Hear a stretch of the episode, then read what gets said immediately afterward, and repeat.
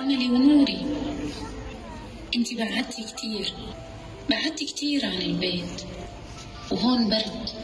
تدفي وما تنسي. ما تنسي مين انتي وما تنسي من وين جيتي. بهذا الصوت استقبلت الأم ابنتها الصغيرة الضائعة بعد رحلة طويلة وشاقة عاشتها الطفله ذات الأعوام التسعة قامت خلالها بالبحث عن أمها التي انقطعت بها السبل جراء القصف.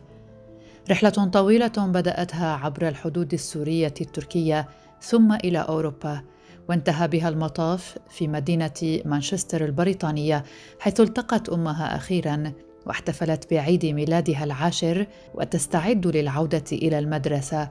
لتبدأ حياة جديدة.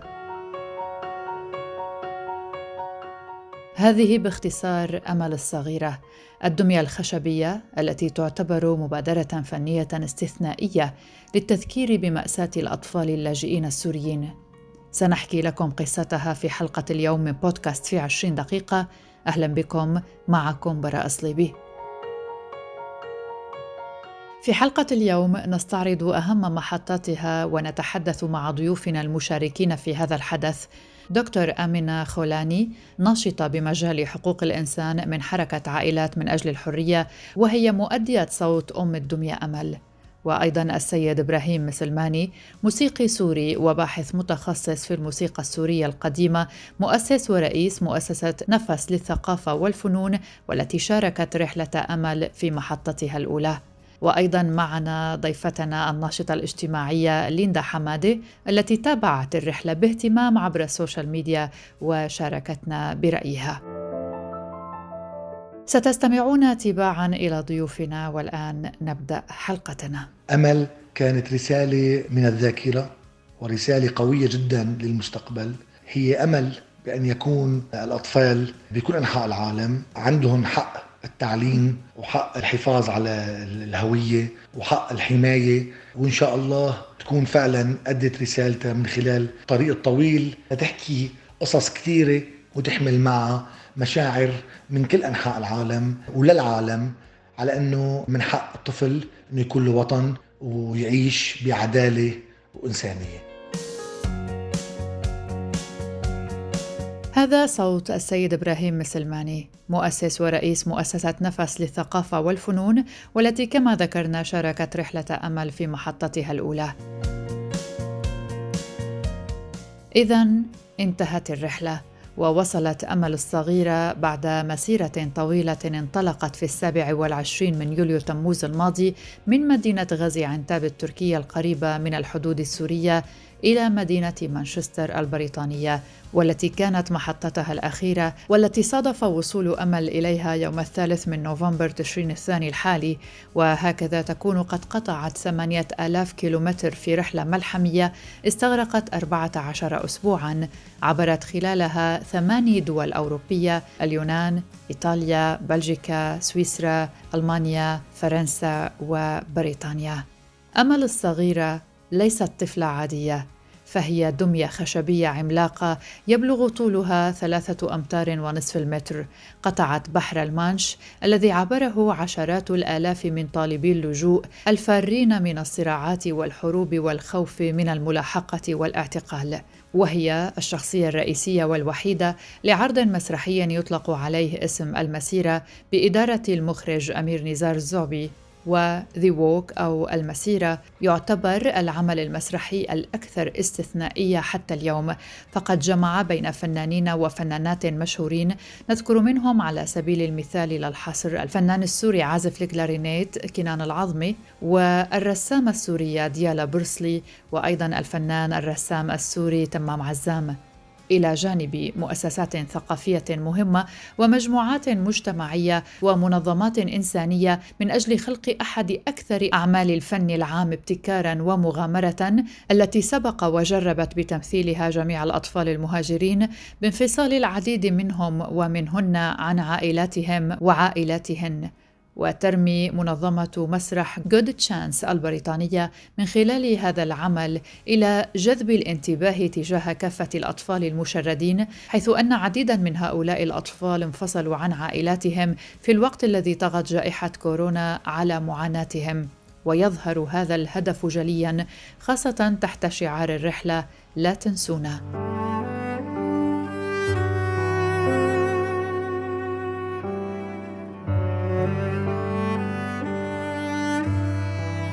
إذا هي مبادرة فنية فريدة، هذا ما أكده أمير نزار الزعبي المدير الفني للمبادرة والذي قال إن رحلة أمل في غاية الأهمية لأن العالم بدأ ينشغل بقضايا أخرى، لذا فمن المهم جدا جلب تركيز العالم مجددا إلى هذه القضية، وقال الزعبي إن هدف المبادرة يتمثل في تسليط الضوء على إمكانات اللاجئين أكثر من ظروفهم القاسية. وتقول المبادرة على موقعها الإلكتروني إن العمل الفني الذي يشمل جولة أمل يعد واحدا من أكثر الأعمال الفنية ابتكارا وشجاعة على الإطلاق والتي تقدم إلى الناس في الأماكن العامة إذ يضم العمل لاجئين سابقين يعملون في تحريك الدمية الأساسية أمل.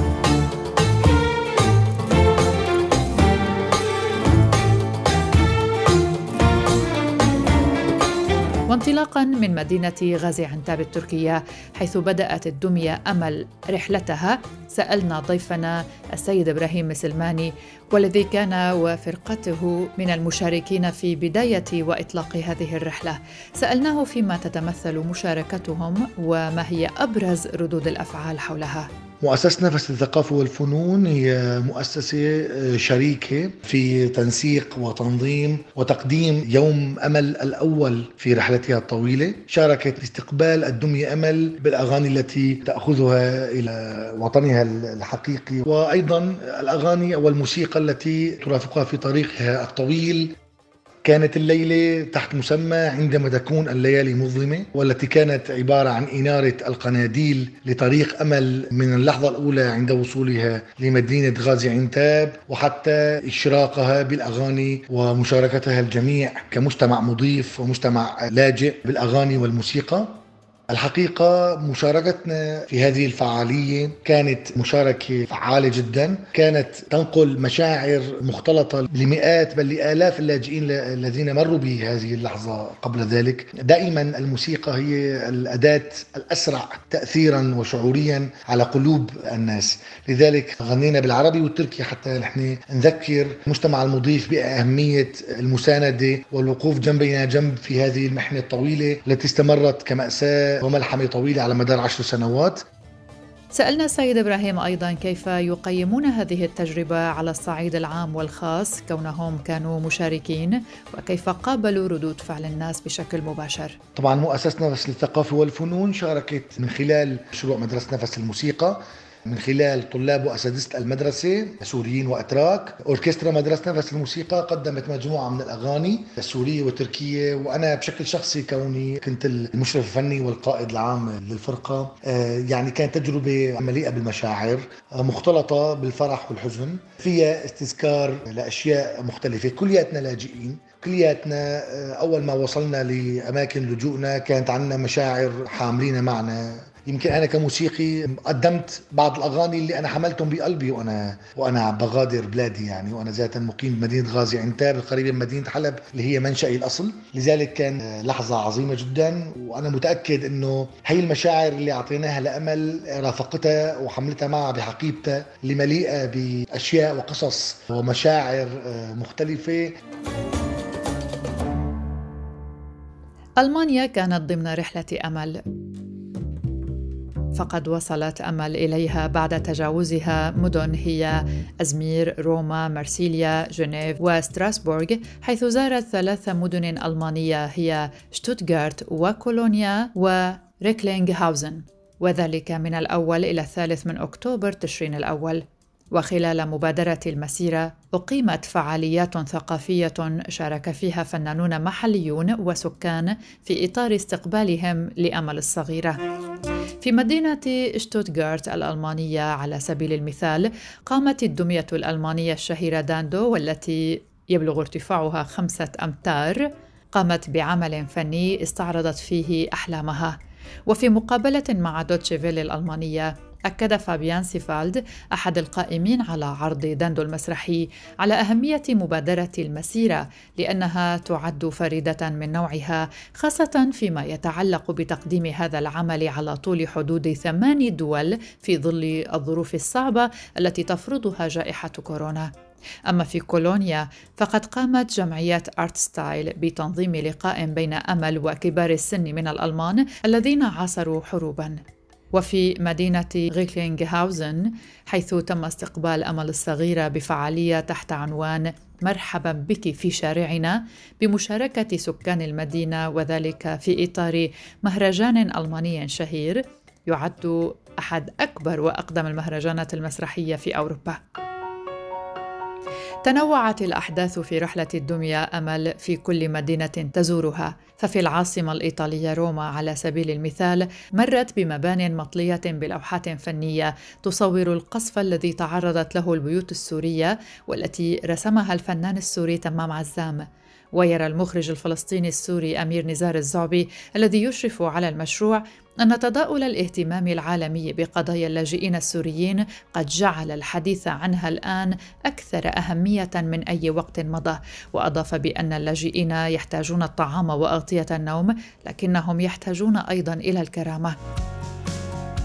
وانطلاقا من ألمانيا واصلت أمل رحلتها إلى بروكسل وباريس ولندن لتصل وجهتها الأخيرة في مدينة مانشستر في المملكة المتحدة.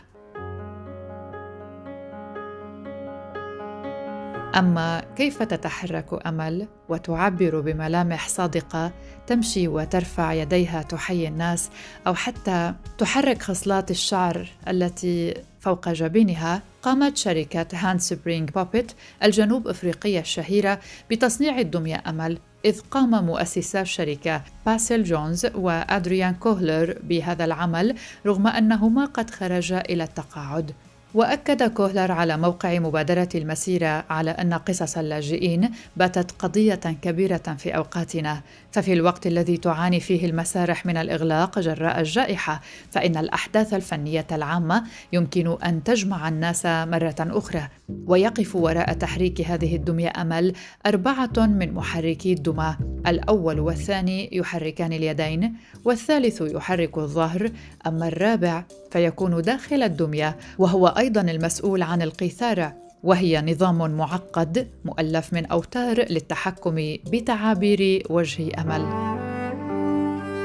تأسست منظمة مسرح جود تشانس البريطانية عام 2015 في مخيم للاجئين في كالي بشمال فرنسا الذي كان يعرف باسم الغابة.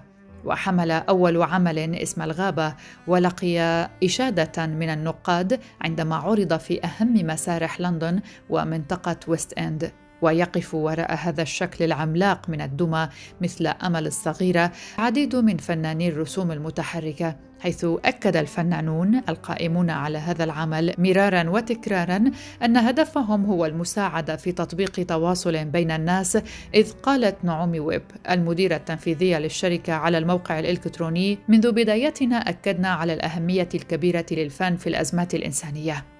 الفن يمتلك قدرة على جمع الناس معا وسرد قصص عن البشر.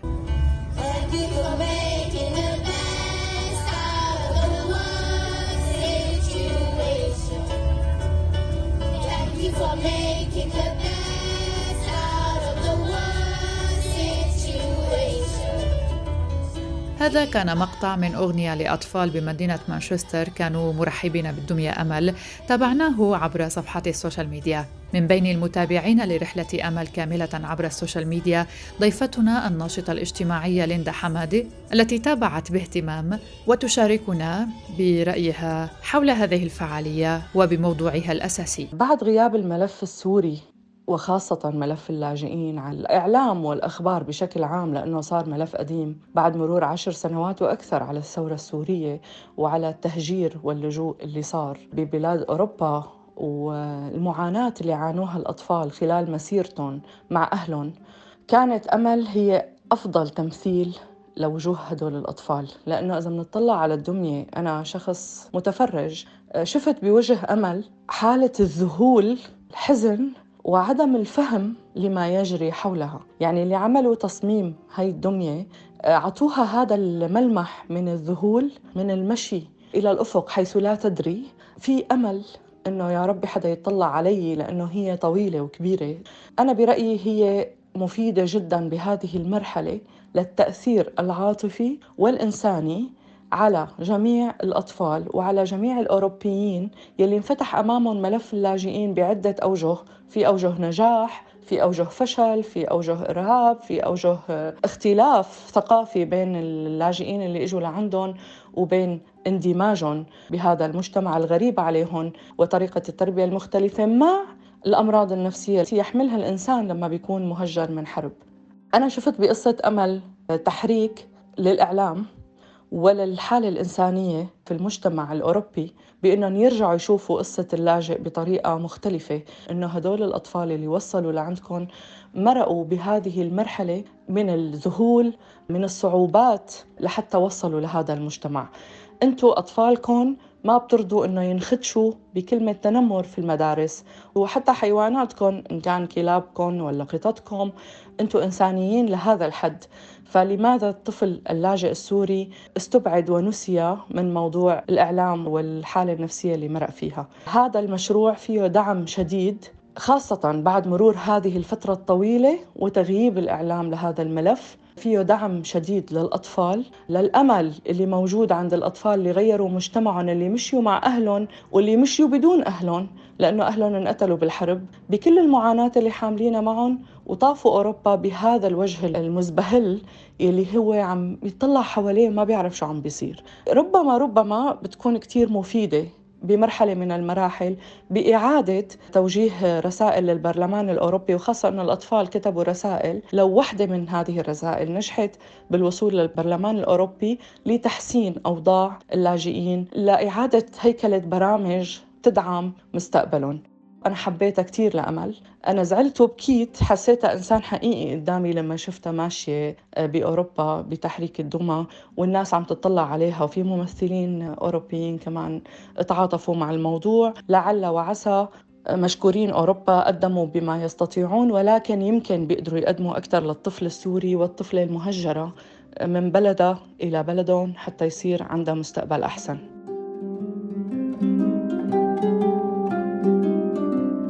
كانت عمليات إغلاق الحدود الناجمة عن جائحة فيروس كورونا قد أجلت رحلة الدمية أمل أربعة أشهر، كما أدى الإغلاق أيضا إلى حدوث مزيد من الصعوبات في عملية تلقي التبرعات الضرورية لإتمام مسيرة الصغيرة أمل.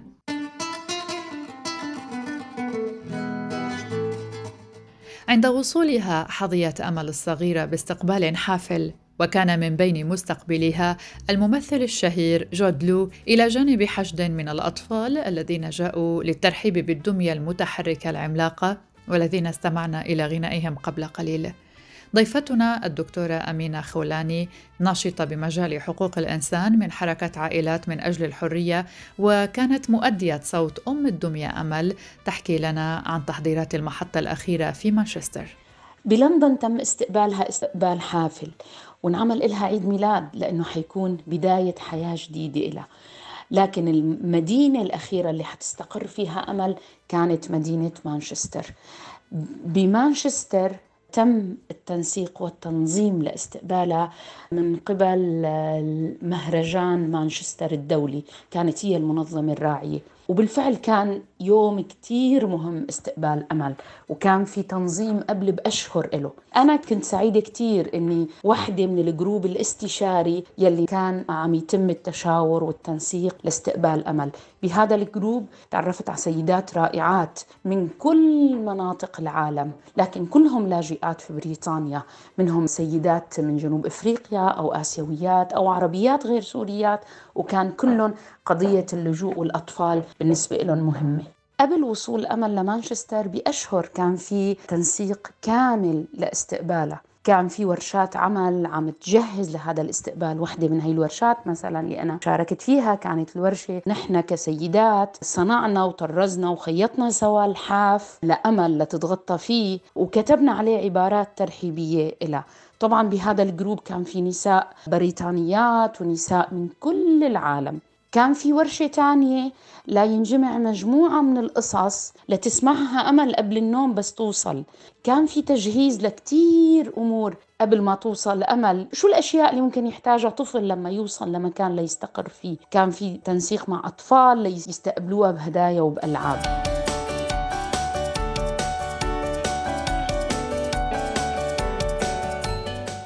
يوم وصول أمل كان هو اليوم الأكبر وكان في استقبال كتير كبير استقبال حاشد رسمي وشعبي. وصلت أمل لمانشستر ومشيت طريق طويل بأكبر شوارع مانشستر لوصلت للساحة الأساسية. وطول الشارع كان في فعاليات وكلمات وأغاني عم ترحب بأمل بكل لغات العالم. ليس فقط باللغة الإنجليزية ولا فقط باللغة العربية لأنه أمل صحيح هي طفلة سورية مثل ما ذكرت لكن هي بتمثل كل أطفال العالم اللي تأذوا من الحروب. بعدين بيكون في باستقبالها برلمانيين إنجليز بيكون في باستقبالها مدير مكتب الجالية السورية بيكون في باستقبالها مثل ما ذكرت فعاليات متعددة من مانشستر فنانين وإعلاميين وغيره وبيكون في أطفال لتلعب معهم أمل. تذكري دائما تذكري تكوني حنونة. هون أمل تسمع صوت أمها وهون كان دوري أنا إني أنا كنت أخذ دور أمها لتعطيها الوصايا يلي بدها تسمعهم أمل من أمها لما تلاقيها بمانشستر. فأنا كنت دور الأم وأعطيتها الوصايا وهذا كان اليوم الأكبر باستقبالها. مرة جديدة مع الناشطة الاجتماعية السيدة ليندا حمادة. فينا نقول أنه رسالة أم أمل المؤثرة الأخيرة اللي وجهت لها إياها. تحمل الكثير من السمات السورية أو سمات الشعب اللي تعرض آه، لهذه الحرب الشرسة بأنه ما يضيع الحنية اللي بيقدر يعيش فيها برا كل لاجئ يدعم الآخر الحنية لحتى نكون إيد طرية على بعض. وأهم جزء بالرسالة برأيي هو كان أنه ما تنسى أمل بعد الاندماج وبعد الدخول في المجتمع الجديد أنه ما تنسى من وين إجت. وشو كانت رسالتها وليش إجت لهون انتهت الرحلة ووصلت أمل كما سمعنا إلى مانشستر واستقبلها الجمهور العام والخاص لكن هل ستتمكن أمل من إنجاز ما يبدو الآن مستحيلا أكثر من أي وقت مضى؟ هل سيدعها العالم؟ نعود للسيدة الدكتورة أمينة خولاني أمل بعد ما وصلت لمانشستر حتعمل جولة على بعض المدارس الابتدائية لتشوف الأطفال ويشوفوها وتحكي لهم قصتها أمل حتروح على مكتب الجالية السورية لتشوف وتتعرف على الناس هناك أمل حتبقى من اسمها هي الأمل بمستقبل أفضل لأطفال سوريا ولكل أطفال العالم بإنه يكونوا بعيدين عن أذى الحروب وإنه نحميهم من كل الصراعات والنزاعات العالمية. كما حدث مع أمل وكما التقت بأمها أخيرا واحتفلت بعيد ميلادها وتتجهز لتعود إلى مقاعد الدراسة. نتمنى في القريب العاجل أن يكون أطفالنا جميعا على مقاعد الدراسة الدافئة وأن نرى صورهم بابتساماتهم الدافئة في كل بقاع العالم. هذه كانت حلقة من بودكاست في عشرين دقيقة. كنت معكم براء صليبي شكرا لكم لحسن المتابعة وطيبها. إلى اللقاء.